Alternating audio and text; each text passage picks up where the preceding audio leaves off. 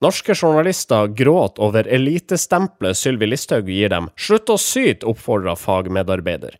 Bloggere bruker ungene sine som rekvisitter for å tjene penger. Kutt ut det der, sier VG-journalist. Og megler i Fredrikstad selger leilighet over to plan. Ikke gjør dette, sier Sindre Holme. Vi er norske informasjonsrådgivere, velkommen.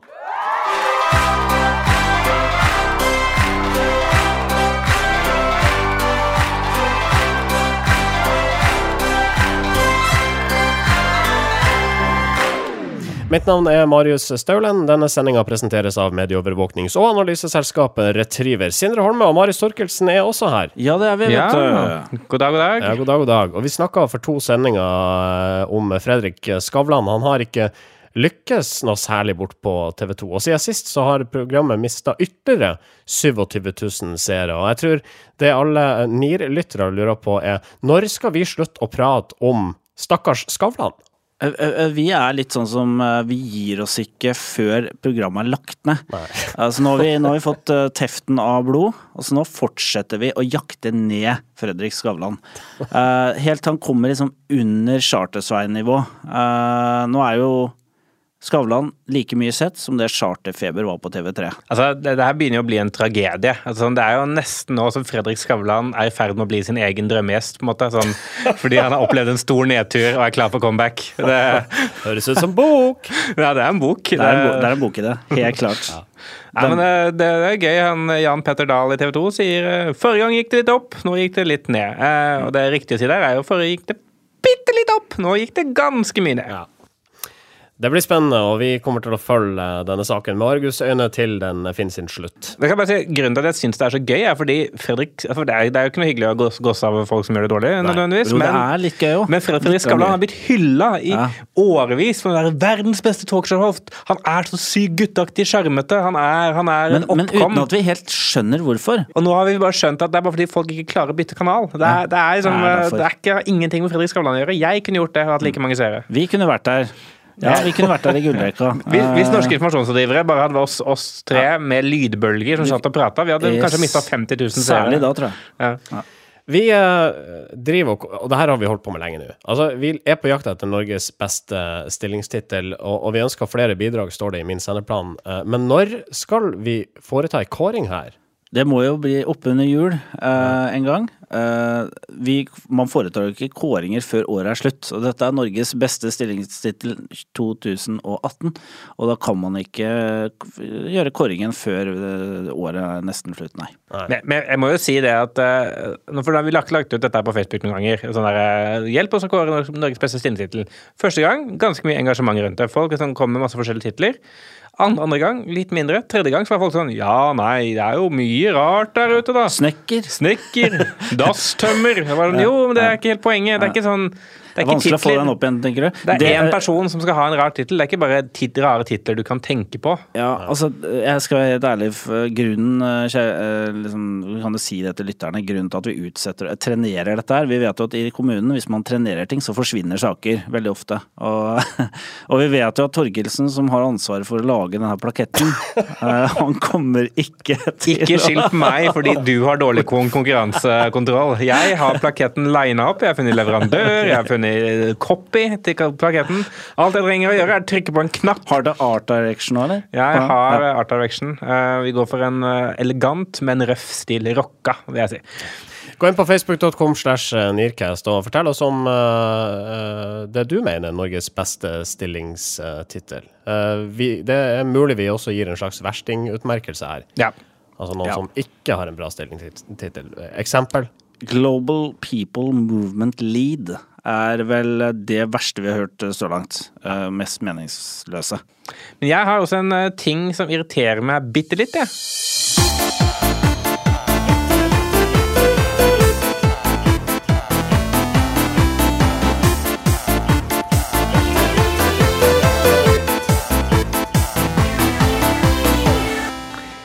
Ja.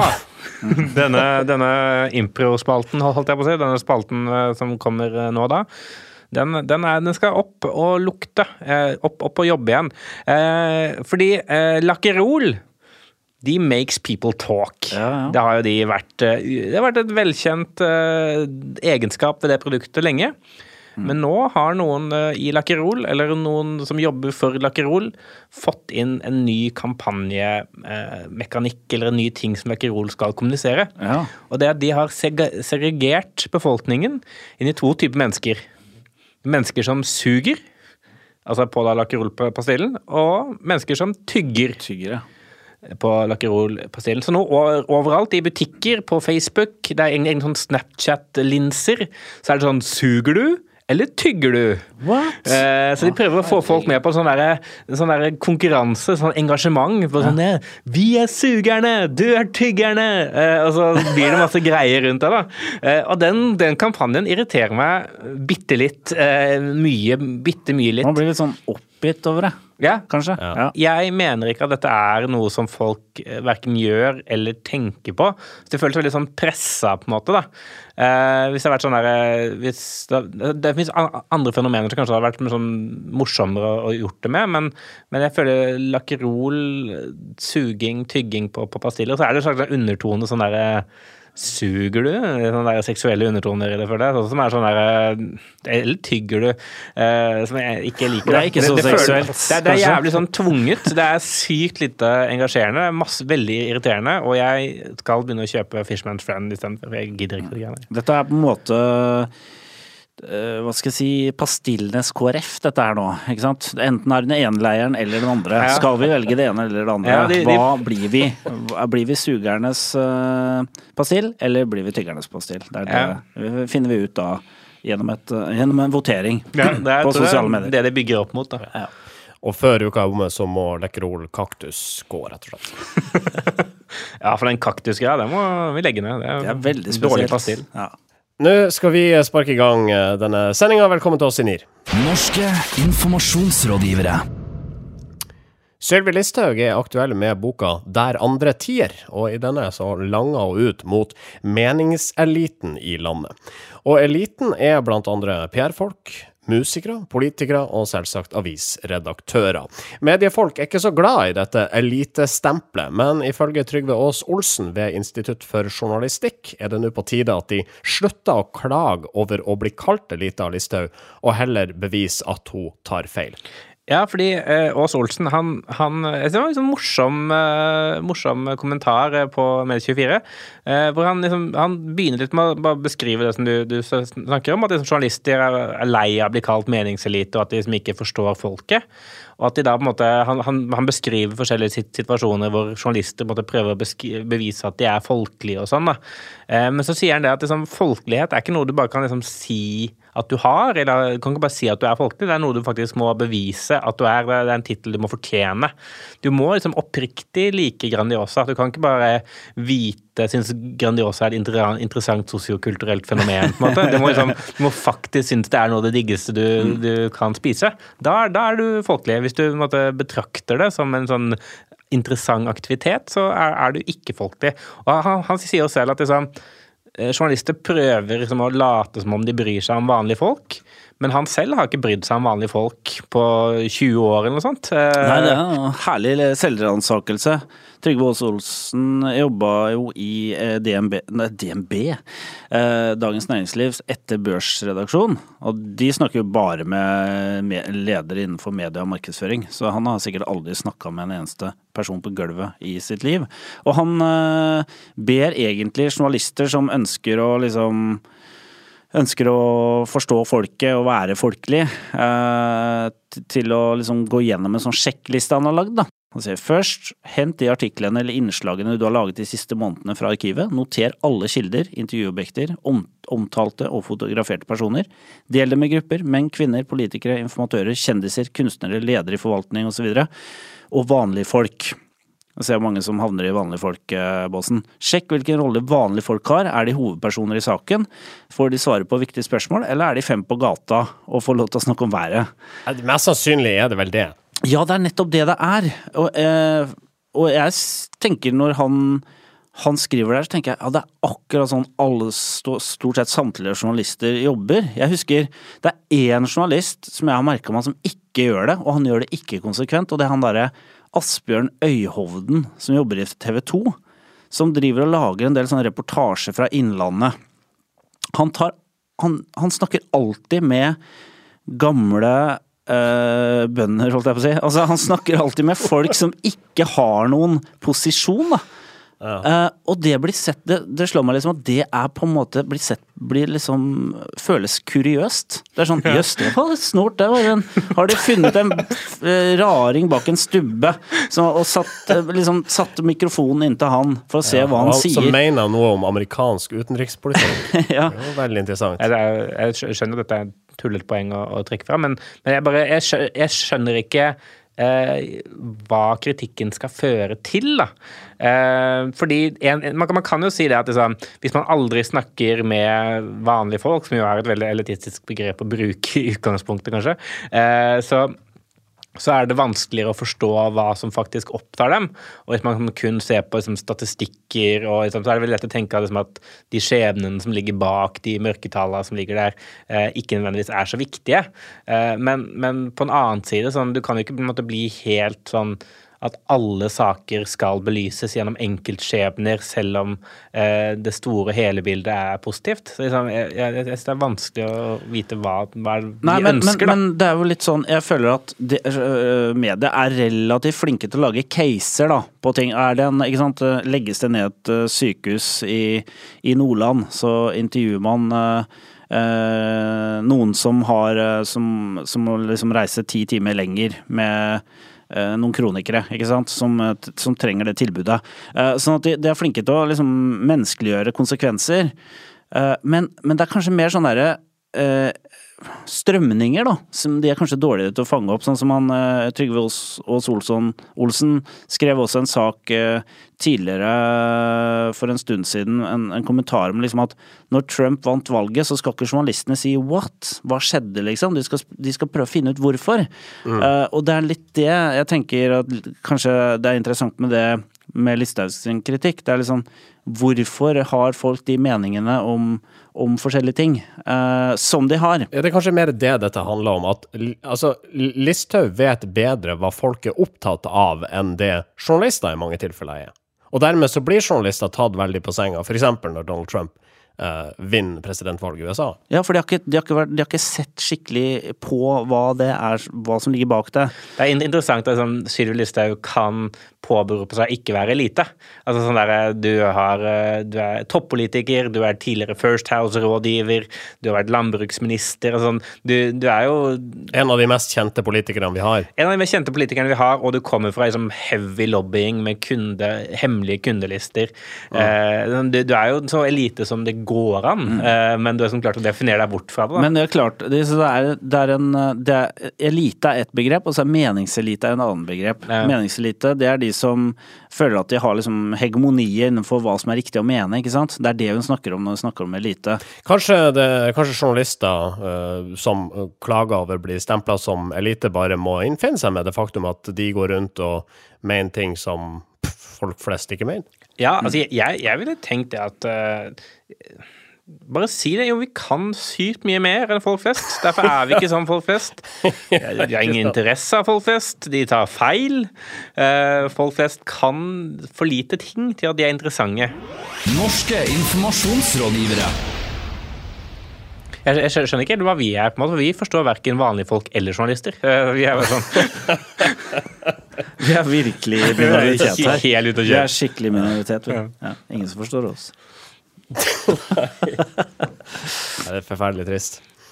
Uh, vi har tidligere snakka om den avdanka fotballspilleren Mats Hansen, som fort ble en greie på nett da han begynte å harselere med i overkant utseendefokuserte bloggere.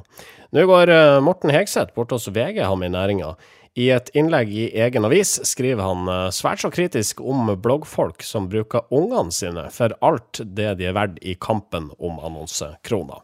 Ja, eh, Morten He- Hegseth han, han, han begynner jo hele kronikken sin med å nevne et eh, utdrag fra Sofie Elise sin eh, nye bok 'Elsk meg', hvor hun da skriver det at hun gjerne skulle blitt gravid, fordi da hadde hun blitt kommersielt gjenfødt.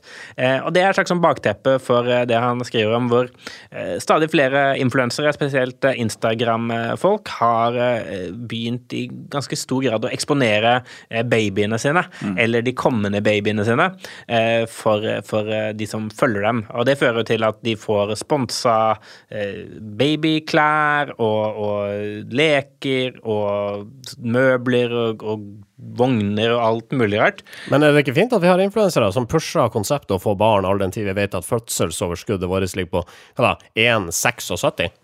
Jo, jeg tror, jeg tror ikke han er kritisk til at de pusher det å få barn, men jeg tror mer at de pusher At han er skeptisk til det å at eh, få barn sånn at du kan eh, tjene penger på Instagram. Som han liksom synes er Ja, sånn som for eksempel pilotfrue som solgte da, uh, kan man si, barnedåpen til sin førstefødte sønn Severin til tre kommersielle samarbeidspartnere. Det er jo litt spesielt eh, å, å gjøre det. eh, og jeg tenker, eh, jeg, jeg tenker jo én ting. Jeg har jo barn selv som begynner å bli ganske store. Og jeg bare sier det til alle bloggere som bruker barna sine i, mark i, i kommersielt øyemed. Barna dine kommer til å hate deg.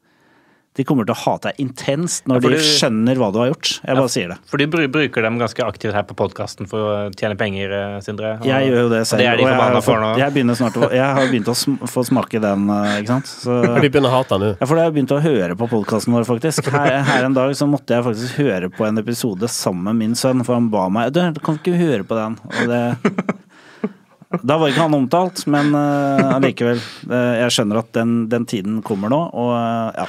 Ja, Du, du du kommer til å Ja. Altså, du brukte jo dattera di eh, som fotograf da vi skulle ha nye profilbilder til eh, casten. Ja, det gjorde jeg faktisk. Da var det vi som var foran kamera, da. Så det, Ja, det er sant. det er da noe. Sånn sett ble jo skåna. Men eh, altså, det, er jo veldig, veldig interessant. Altså, jeg, jeg er jo enig med Morten Høgseth. Det, det, er ikke sånn, det, det er ikke så veldig kontroversielt å mene det. Man bør ikke bruke babyer eh, som, eh, som eh, måter å tjene penger på. Eh, samtidig- men det, det jeg lurer litt på, er den, der, den generasjonen som sier- Sindre sier som kommer til å vokse opp. Det er ganske mange barn etter hvert som kommer til å vokse opp og bare har vært eksponert på Instagram fra de var barn. Liksom. Sånn, jeg lurer på hvordan hun Michelle, da, til uh, mammaen til Michelle, hvordan hun blir som voksen. Liksom. Ja, Sånn. hun er vel snart voksen. For hun har jo vært kjendis fra hun ble Også. født, og liksom, eh, hele Norge vet eh, hvem hun er, mer eller mindre. da. Hvordan, hvordan blir du da? Det er flere som vet uh, hva Michelle heter, enn mora til Michelle. Hva er det mora til Michelle heter? Det vet jeg ikke. Det, da jeg kan det. Det er Anna Rasmussen. ja. ja. Han er Rasmussen. Ja, det var så vidt, var så Eh, vidt vi huska det. Hele artikkelen eh, slutter jo egentlig med at han henviser til disse nye retningslinjene Forbrukertilsynet har foreslått for uh, influensere rundt liksom merking av reklame og, generell etikk. Og han eh, mener det at eh, Linda Hofstad Helleland bør eh, øke støtten til eh, kall det iverksettingen eller håndhevingen av dette, dette regelverket. da, eh, Og innføre et slags sånn bloggpoliti som ikke bare da skal liksom sjekke at alle faktisk eh, merker eh, innleggene sine med reklame, men som også egentlig bør på en eller annen måte kunne ha myndighet, eller i hvert fall mulighet til å mene noe om hvorvidt influenserne bruker barna sine som Men- eh, objekter. Men hvordan i alle dager skal det løses i praksis? Altså, en ting, altså Hvis de bare skal mene hva er poenget, og uh, hva skulle sanksjonsmyndigheten Altså, hva skulle sanksjonen være dersom noen bruker barnet sitt? Og er det noen forskjell her forresten på mammaen til Michelle, som er en veldig populær blogger, og en ekstremt upopulær blogger med fem lesere, som også eh, viser fram dattera si på bloggen? Nei, altså, jeg, jeg vet, vet ikke hvordan det her funker i norsk rettsvesen. Men eh, i og med at du da er verge for barnet ditt, om du da måtte også ha rett til å eksponere det som du vil, eh, eller om man faktisk på et eller annet tidspunkt må ha noen andre som da passer på barnets beste. Det er kanskje barnevernet. det da. Barnevernet hadde vært interessant å koble på. Jeg bare banke på. Du, jeg har sett et blogginnlegg her. Jeg tror jeg må ta, ta Severin eh, med oss eh, nå, jeg. Eh, Nå har du brukt han. for noe blogg? Det er noe rare greier vi i barnevernet aldri har hørt om. Nei, men jeg, jeg, jeg tenker på en eller annen måte så eh, vil vil jo ikke egentlig vite konsekvensene av dette her før disse barna blir voksne. Eh, og eventuelle senskader eller psykiske problemer dette medfører. Eh, og da vil det jo være for seint. Men da for den eh, oppvoksende generasjonen etter dem, altså babyene til disse babyene som nå blir eksponert på Instagram, kanskje de da vil eh, få et regelverk som faktisk tar hensyn til deres følelser. Norske informasjonsrådgivere. Joshua French, som satt fengsla i årevis nede i Kongo etter å ha blitt dømt for drap, er en fri mann hjemme i Norge nå. Eh, Og den tidligere leiesoldaten har funnet en mulighet eh, til å tjene store penger på historia si. For tida så reiser han rundt med foredraget Dømt til døden. Et foredrag journalist Ida Madsen Hestmann har vært og sett på, og hun er ikke særlig begeistra. Nei, eh, dette eventselskapet som eh, sender Joshua French land og strand rundt, sier at i foredraget deler han sin historie og sine erfaringer om krisehåndtering og motivasjon og menneskets overlevelse i et av verdens farligste land. Joshua tar deg med på en utrolig spennende reise i sitt foredrag. Gripende og rystende på en gang, sier de. Ja. Eh, så det her fremstår jo Joshua French som en slags uh, Indiana Jones, en norsk versjon av det. Jeg syns det er litt rystende at en dømt drapsmann nå flyr rundt og holder foredrag. Ja, det syns jeg er helt utrolig, og egentlig så kan jo Altså, hele dekningen av den saken har vært rar fra dag én, for det er to nordmenn eh, som på en måte da har vært ulykkeligvis eh, havna i Afrika full med masse ammo og geværer. Ja. og, Jeg hater når det skjer. ja, det er utrolig, utrolig tilfeldig at det skulle skje. De, de bare de dro dit for å vok bevokte noen diamantgruver for noen krigsherrer der nede, og så liksom skulle de havne opp i denne utrolig ulykksalige situasjonen. Eh, Det er så ja, men altså- jantelov at vi ikke kan unne dem det. Altså, nisselulene er eh, ikke, ikke sant? Folk som tenker annerledes, det skal ikke Det skal liksom ikke Det skal ikke gode, gamle Norge ha. Hei! Ikke sant. Altså, jeg bare, sier, jeg bare sier en ting. Eh, hvis man går, hvis man lurer på om det å dra til Kongo i full gru er lurt, så kan man gå inn på Utenriksdepartementets eh, nettsider. Eh, For der står det nemlig eh, sånne reiseråd, og det er tilgjengelig for alle. Og der står det Utenriksdepartementet fraråder all reise til eller opphold i provinsene bla, bla, bla. Og det er alle de provinsene så stort sett som er i Kongo. Eh, og i resten av Den demokratiske republikken Kongo, som det heter. Uh, og, og liksom Jeg mener, er det mulig at en sånn kar kan få lov til å stå og holde foredrag? Jeg, jeg, syns, det er veldig interessant, fordi hun, Ida Hestmann hun, hun beskriver jo liksom, Hun har jo vært på et av disse foredragene. Og det som er eh, fascinerende da, med det, er jo det at både så blir det måte branda som noen utrolig spennende historie. Sånn. Det, er, sånn, det, er jo, som du sier, litt sånn rar måte å omtale Eller litt ullen måte å omtale kriminelle handlinger på. Eh, hun beskriver at hun kommer til lokalet, og der står det en dame som tar, tar henne imot og sier 'kos deg' på vei inn, som også føltes litt sånn rart ut. Eh, men så nevner han aldri liksom selve mordene. Eh, Han snakker om, om Kongo, han snak, snakker om, at, om Kenya, Uganda. Eh, men liksom, selve liksom, det hun kaller elefanten i rommet, da, som er, er det alle lurer på hva som faktisk skjedde, det går han liksom aldri helt sånn inn på. Så det blir bare liggende sånne ting som ikke blir kommentert. Eh, Ja, men dette er jo som om Per og Veronica Orderud skulle gått rundt og holdt foredrag om, om livet på Ja, ikke sant? Livet på Hvordan gård få mye uten ut av pinsen. Ja. ikke sant? Med litt mindre familie enn i fjor.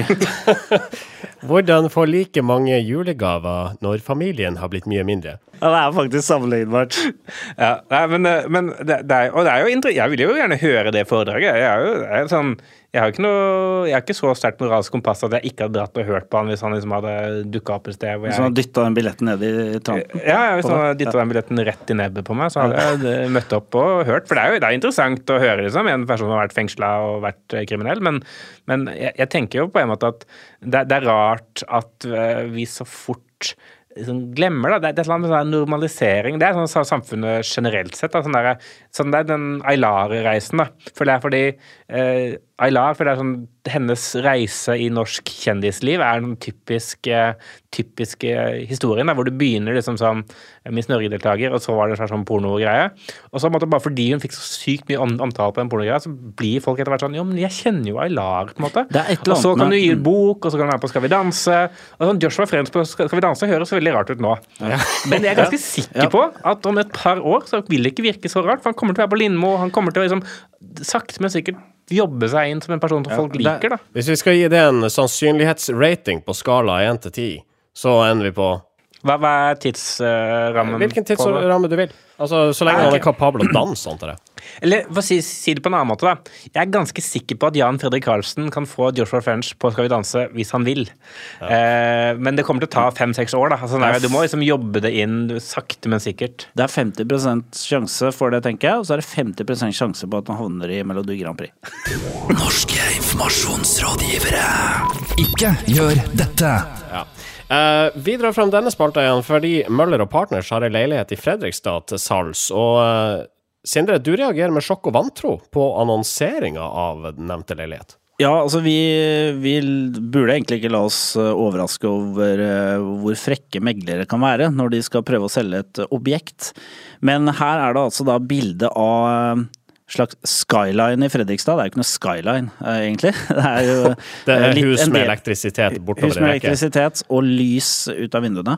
Så skal jeg si, Spar, Du er jo Fredrikstad-ekspert. Jeg er herfra, og jeg vet veldig godt at dette ikke er eh, en eh, veldig stor by, men det står i denne annonsen 'Bo som i New York, lev den urbane drømmen'. Og så er det da en bolig, en sånn toppleilighet, uh, i Fredrikstad, uh, som da Altså De prøver å fremstille det som at dette er liksom de kvalitetene du får i New York, men Fredrikstad er jo ikke New York. Fredrikstad er Sentrum av Fredrikstad er kanskje 40 000 eh, innbyggere, mens Manhattan har eh, flere millioner. Og det er mye som er feil med den eh, sammenligningen her. Leiligheten den ligger i et trehus. Det ligger i etasjen over en jokerbutikk. Det finnes jo ikke i, i New York. Eh, Den har utsikt over Kråkerøy, ikke Brooklyn. Ja. Det er også en feil.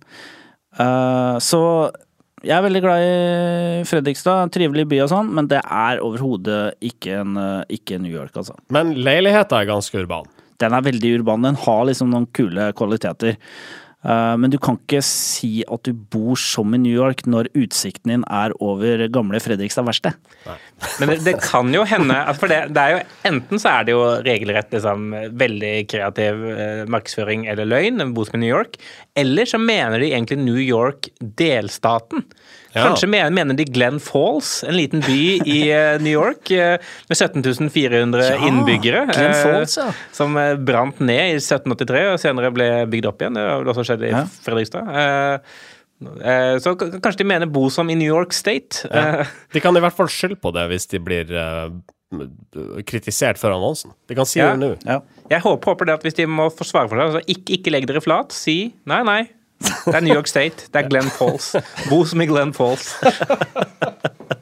Legg til én ting eh, til her om denne annonsen. Det bildeutsnittet de har brukt i den, er ganske merkelig. For den leiligheta som heter salgs, den er helt ute til venstre i bildet. Eh, Jeg trodde ærlig talt at det var topp, altså toppetasjen i bygget i midten av bildet som var til salgs. Ja, det, det tror du. For det, de vil ha med eh, liksom ja, det er en bitte liten pil der i venstre de, hjørne. de vil ha med de, Ja, ikke sant. De ønsker å ha med liksom da Fredrikstads Hudson River, eller Vesterelva som det heter, i bildet. Og, og Litteraturhuset. Altså da Madison Square Gardens uh, i Fredrikstad, da. Men- Eh, Da var dette alt det var plass til av nevnte leilighet. Ja, og- det skal, skal jo sies, hvis man faktisk går inn på annonsen, så, så, så føler jeg de selger de, de trekker seg veldig raskt. For de sier liksom eh, En drøm av en loftsleilighet som får selv Fredrikstad til å virke som en storby. Ja. Så Da har de snudd helt. Da, da sier de som Fredrikstad er eh, i hvert fall ikke en storby, men eh, selv Fredrikstad, som er så jævlig langt fra en storby, det kan virke som storby med denne loftleiligheten. Ja. Og, og storby i norsk sammenheng er jo Kristiansand. Det er jo det. Eh, så eh, konklusjonen er klinkende klar herifra. Dette går ikke an. Går ikke an. Gjør dette. Ja, det går mot eh, slutten. Vi er som vanlig på innspillingsovertid, og dere er i ferd med å bli kasta ut av studioene til moderne medier. Ja da, nå står de og tripper utover her. Ja. En eller annen fotballpodkast om tsjekkisk andredivisjon eller noe sånt, sikkert. Ja. Det er sikkert spennende for vanlige folk. Sikkert veldig spennende for eh, de som ikke vi er i kontakt med. Ja. Eh, det- er en ting jeg har lyst til å ta opp sånn på slutten, som jeg syns er litt eh, fascinerende. Ja. Eh, Og det er litt sånn selvopptatt egentlig for podkasten vår, men vi vet jo Vi, vi får jo statistikk på hvem som hører på oss.